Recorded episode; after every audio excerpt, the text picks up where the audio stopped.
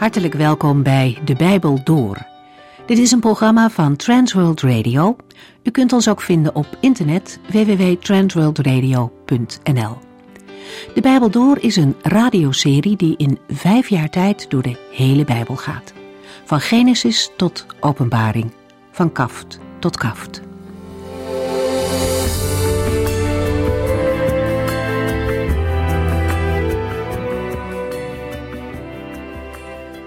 We lezen vandaag uit de eerste brief van Johannes het tweede hoofdstuk. De apostel begint dit hoofdstuk met een korte motivatie waarom hij bepaalde dingen schrijft. Mijn kinderen, zegt hij, ik zeg dit om u van de zonde af te houden. De manier waarop hij zijn lezers aanspreekt met mijn kinderen geeft de goede verstandhouding tussen hen aan. Zoals een goede vader voor zijn kinderen zorgt en het beste voor hen wil, zo gaat Johannes ook met deze gelovigen om. Hij is op oudere leeftijd een vader in Christus. Een man die wandelt met de Heer en andere gelovigen verder kan helpen om als christen te leven. Een belangrijk item daarbij is dat een christen niet zou moeten zondigen. Johannes zegt dit op een liefdevolle manier, maar hij laat de boodschap niet liggen. Christenen mogen elkaar opwekken om een heilig leven te leiden en niet te zondigen. We zeggen dat misschien niet meer zo makkelijk tegen elkaar. En het is ook niet wijs om dat te pas en te onpas te doen, maar zoals een ouder zijn kind wil beschermen en daarom verkeerde dingen verbiedt, zo mogen christenen elkaar ook de weg van Christus wijzen. En hoewel het de bedoeling is om niet te zondigen, weten we ook dat geen mens dat kan. Zolang we hier op aarde zijn, blijven we er tegenaan lopen dat het toch weer misgaat. Johannes wist dat ook. Dat zei hij al in hoofdstuk 1. En daarom is het vervolg in hoofdstuk 2 ook zo belangrijk en mooi. Als iemand zondigt, hebben wij een rechtvaardige advocaat die ons verdedigt bij de Vader, Jezus Christus. Dus als gelovigen hebben we een advocaat, een pleitbezorger in de hemel. De Heer Jezus neemt onze zaak op zich en komt ons te hulp wanneer wij gezondigd hebben. Hij is onze voorspraak. Hetzelfde Griekse woord gebruikt Johannes ook in zijn evangelie. Daar wordt de Heilige Geest een pleitbezorger genoemd. Christenen hebben een pleitbezorger in de hemel, Jezus Christus, en op aarde doet de Heilige Geest dit. We lezen verder uit 1 Johannes 2 vanaf vers 3.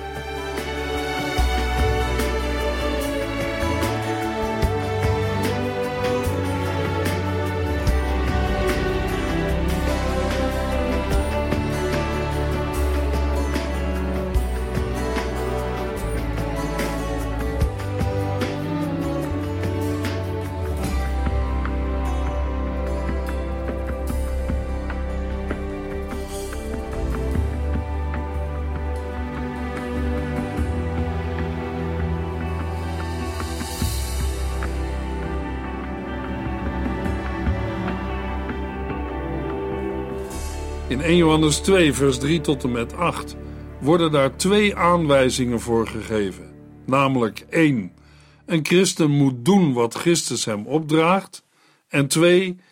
Leven zoals Christus het wil. Het antwoord roept direct een volgende vraag op. En wat zegt Christus dat wij moeten doen? Daarover schrijft de apostel in 1 Johannes 3, vers 23 en 24.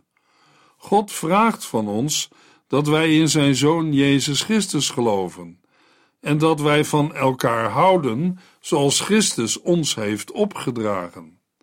De mensen die zich houden aan wat God heeft gezegd, blijven één met Hem en Hij blijft één met hen. Door de geest die God ons heeft gegeven, weten wij dat Hij één met ons blijft. Echt christelijk geloof resulteert in een liefdevol leven. Daarom zegt Johannes dat ons gedrag ons ervan kan overtuigen dat wij van Christus zijn. 1 Johannes 2, vers 3. Hoe kunnen wij er zeker van zijn dat we bij Hem horen? Als we doen wat Hij zegt. In een andere vertaling lezen we in dit vers: En hieraan onderkennen wij dat wij Hem kennen, indien wij Zijn geboden bewaren. In vers 3 komt het woord kennen naar voren in de betekenis van weten. In Johannes 13, vers 35 zegt de Heer Jezus tegen zijn leerlingen: Aan de onderlinge liefde zullen de mensen zien dat jullie mijn leerlingen zijn. Bij de onderlinge liefde gaat het om de omgangsregels binnen het gezin van God.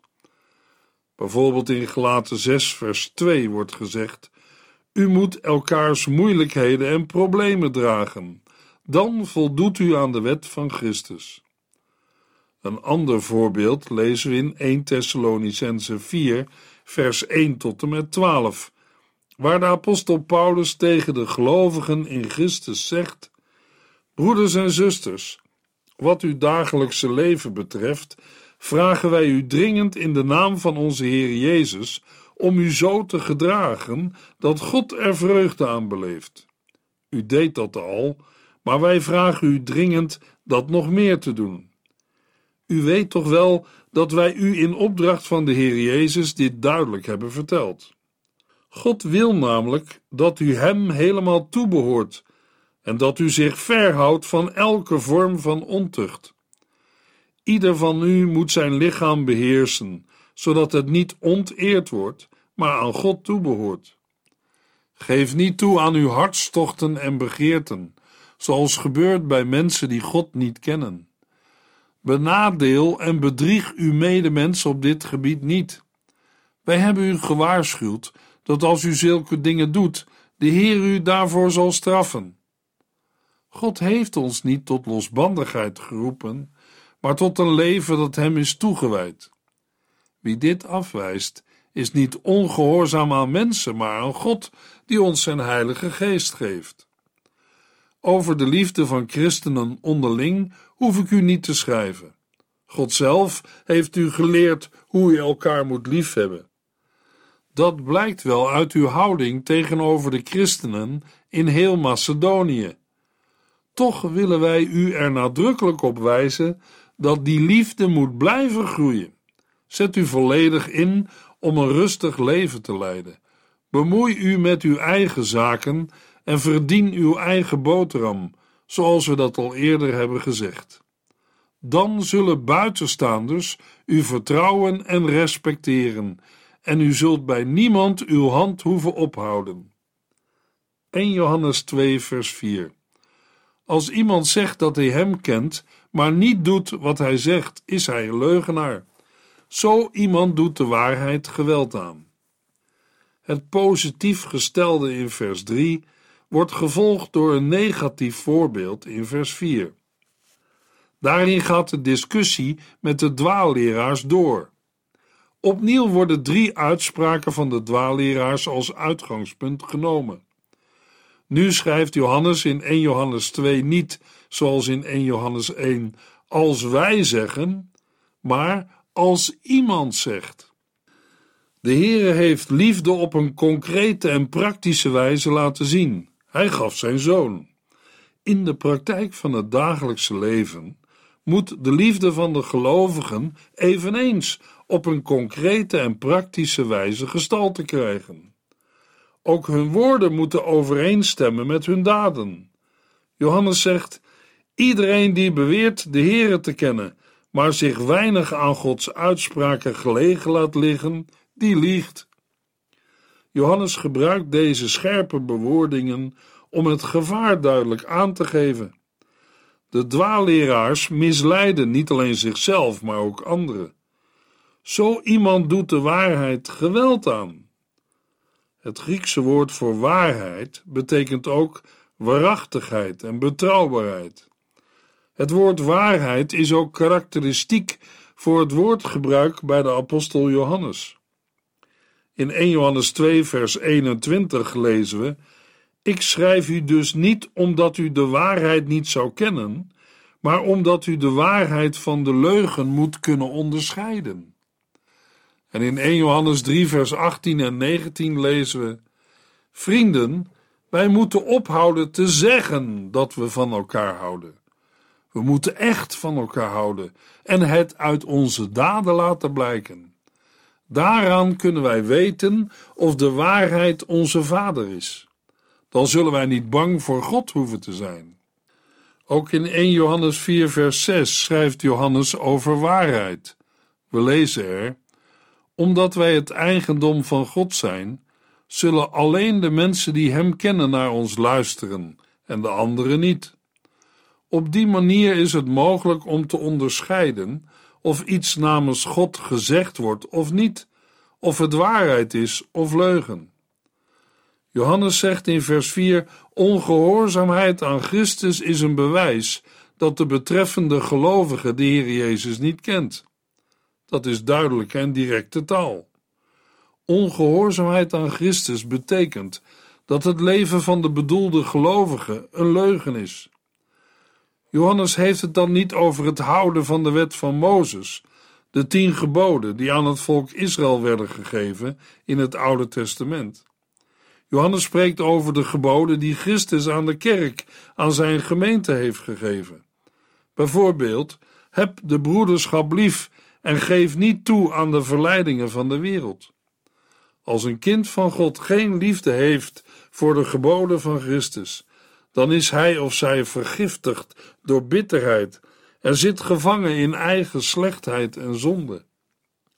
Vers 4 geeft met de woorden: Zo iemand doet de waarheid geweld aan, vragen mee voor zelfreflectie, namelijk: Doe ik wat de Heere zegt?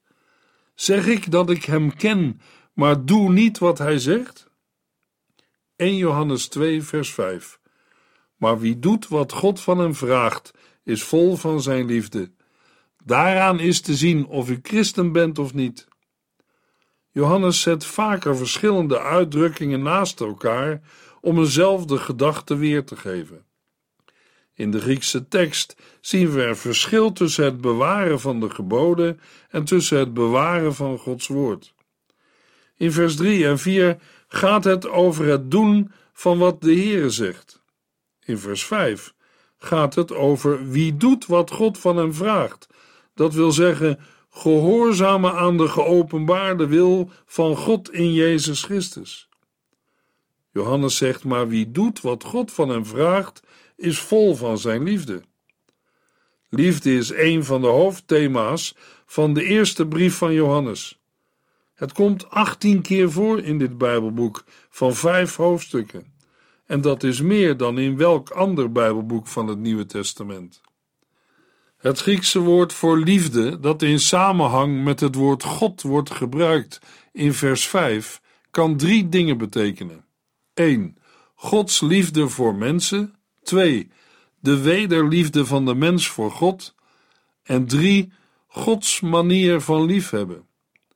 Het is de vraag of de apostel Johannes zelf een duidelijk onderscheid maakt.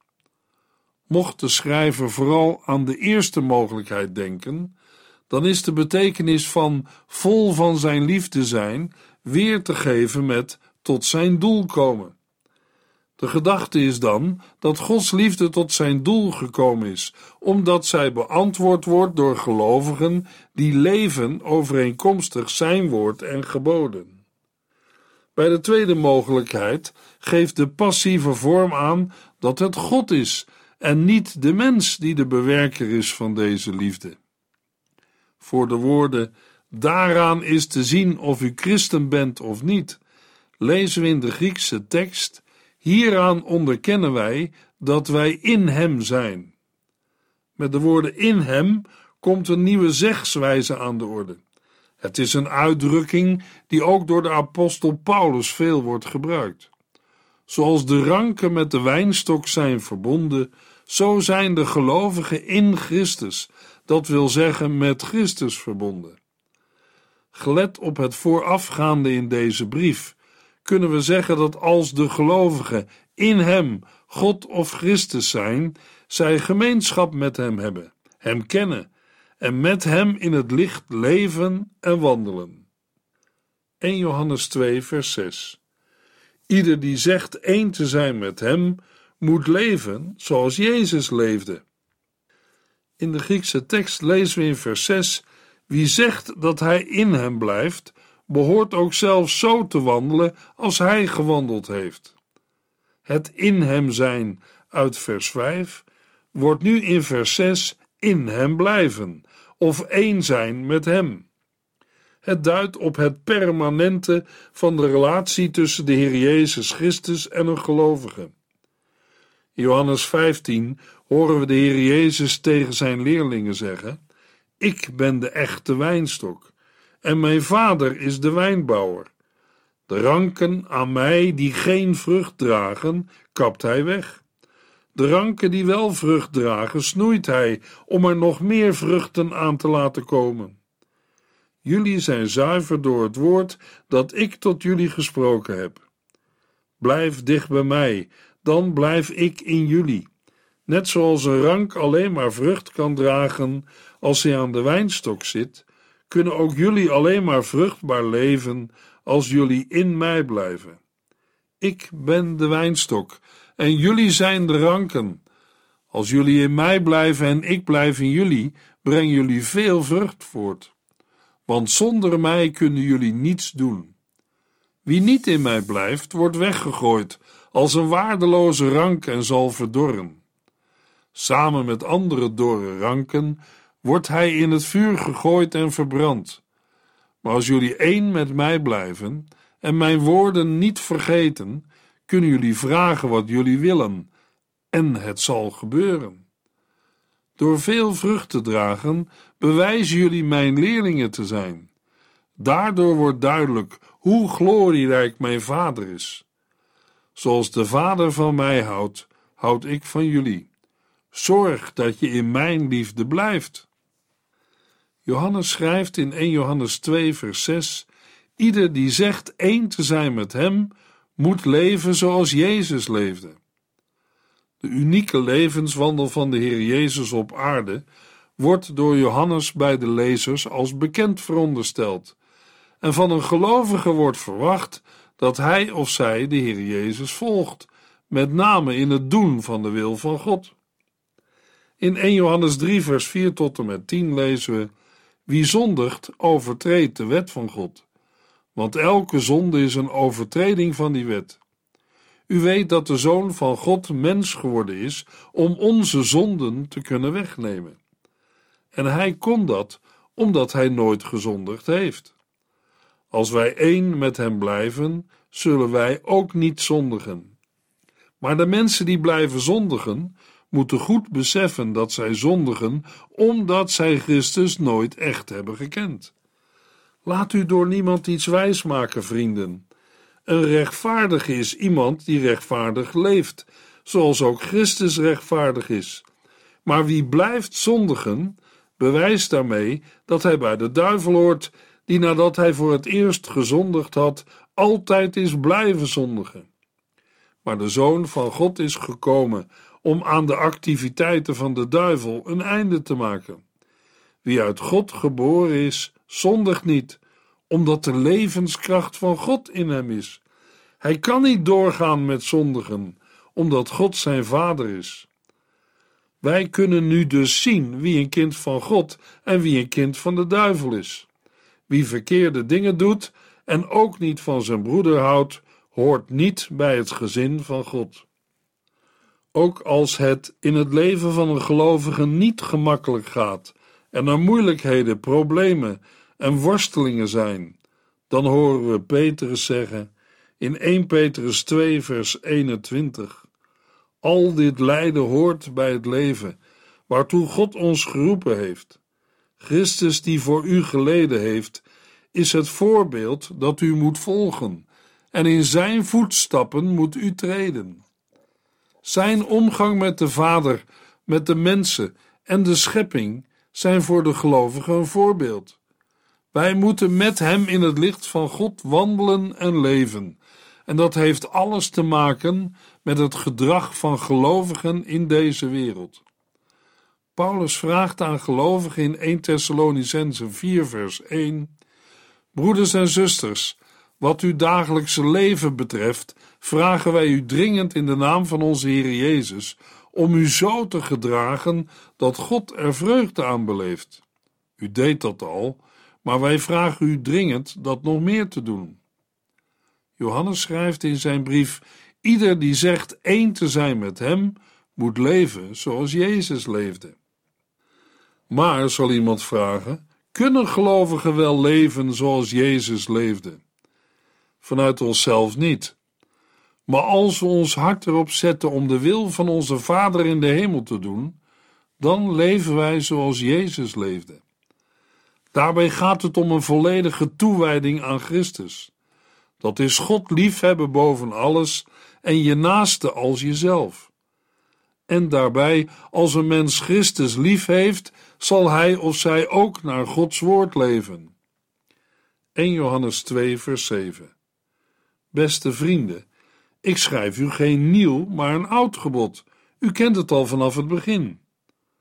De Griekse tekst heeft in plaats van vrienden de aanduiding broeders. In een variante lezing vinden we zelfs het woord geliefden. Inhoudelijk is er weinig verschil. In alle gevallen gaat het om de aanspraak van gelovigen in de christelijke gemeente. Het woord geliefden benadrukt nog meer dan broeders of vrienden de liefde tot God en elkaar.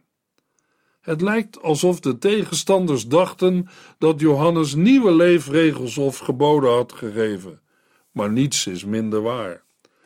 Daarom benadrukt Johannes dat dit gebod waar christenen naar leven niet nieuw is, maar oud. Vanaf het allereerste moment is dit oude gebod gepredikt. De woorden vanaf het begin hebben betrekking op de dag dat de lezers het evangelie van Jezus Christus hebben gehoord.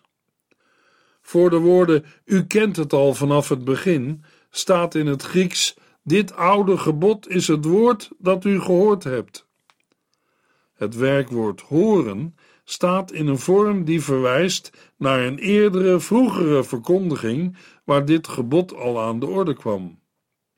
Het gebruikte enkelvoud gebod in tegenstelling tot het meervoud geboden dat Johannes op andere plaatsen gebruikt, wordt verklaard doordat Johannes de wil van God ziet samengevat in het ene gebod van de liefde. In 1 Johannes 3, vers 23 lezen we: God vraagt van ons dat wij in zijn Zoon Jezus Christus geloven en dat wij van elkaar houden, zoals Christus ons heeft opgedragen.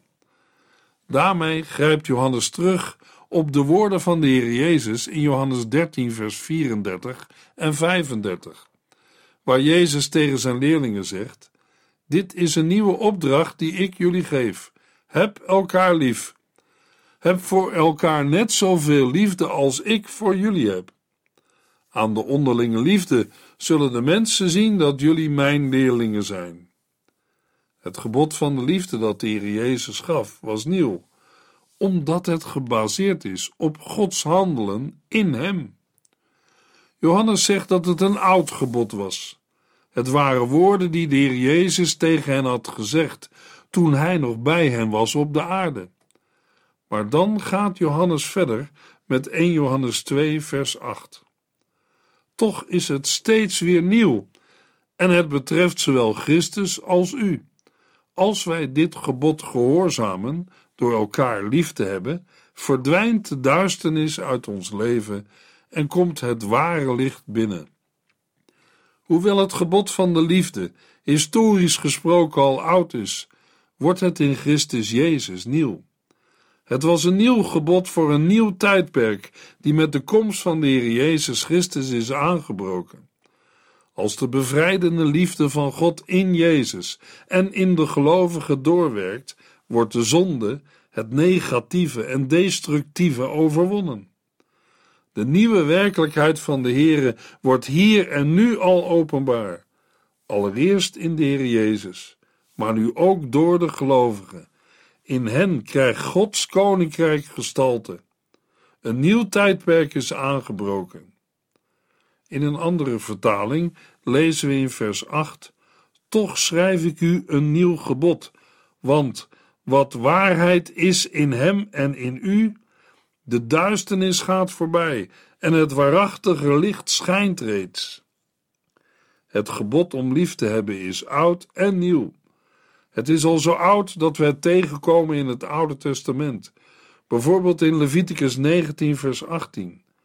Maar het is ook nieuw, omdat de Heer Jezus het op een volkomen nieuwe manier toepast, zoals we net lazen in Johannes 13. In de christelijke gemeente gaat liefde verder dan eerbied voor zelfopoffering en dienstbaarheid. Het kan in feite ook worden gedefinieerd als onbaatzuchtig geven. Het reikt niet alleen naar vrienden, maar ook naar vijanden en vervolgers. De Heer Jezus zegt in Matthäus 5, vers 43 tot en met 48: U hebt gehoord dat er gezegd is: Heb uw naaste lief en haat uw vijanden. Maar ik zeg: Houd ook van uw vijanden en bid voor wie u vervolgen. Als u dat doet, bent u echt kinderen van uw hemelse Vader, want Hij laat Zijn zon opgaan voor goede en slechte mensen. Hij laat het regenen voor rechtvaardigen en onrechtvaardigen. Als u alleen maar houdt van mensen die ook van u houden, krijgt u geen beloning. Dat doen zelfs bedriegers. Als u alleen maar vriendelijk bent voor uw vrienden, doet u niets bijzonders. Dat doet immers iedereen. Wees volmaakt, zoals ook uw hemelse Vader volmaakt is. Johannes schrijft: Als wij dit gebod gehoorzamen door elkaar lief te hebben, verdwijnt de duisternis uit ons leven en komt het ware licht binnen. De werkwoorden in vers 8 staan in de tegenwoordige tijd en geven daarmee aan dat iets al wel begonnen is, maar nog niet ten einde. Wat voorbij gaat of bezig is voorbij te gaan, is de duisternis. Duisternis heeft te maken met een leven buiten God. Het karakteriseert de mens die het in deze wereld zonder God en zijn licht meent te kunnen stellen. Maar wat al schijnt, is het licht. De nadruk op de woorden het ware licht maakt ten aanzien van de dwaalleraars nog eens duidelijk dat buiten de Heer Jezus geen echte redding en ook het ware licht niet is te vinden. De tegenstanders zijn daarmee gekwalificeerd als dwaallichten. Maar daarover meer in de volgende uitzending.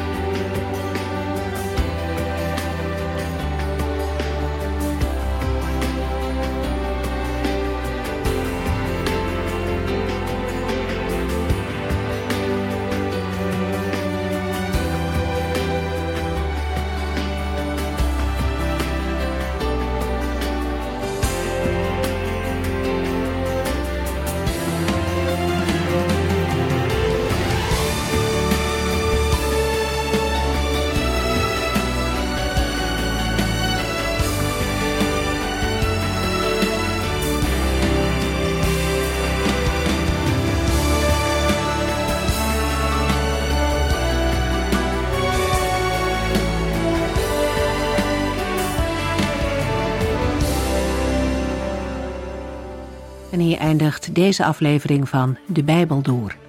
Een serie programma's van Transworld Radio.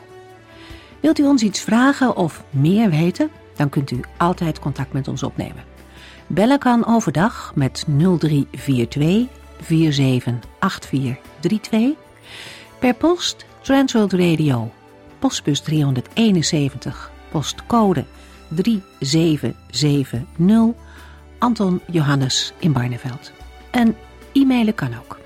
De Bijbel door at transworldradio.nl En natuurlijk ook via onze website transworldradio.nl Dit programma werd gepresenteerd door Cor Weda en Ike André. En namens iedereen die er nog meer aan meegewerkt heeft, graag tot de volgende keer.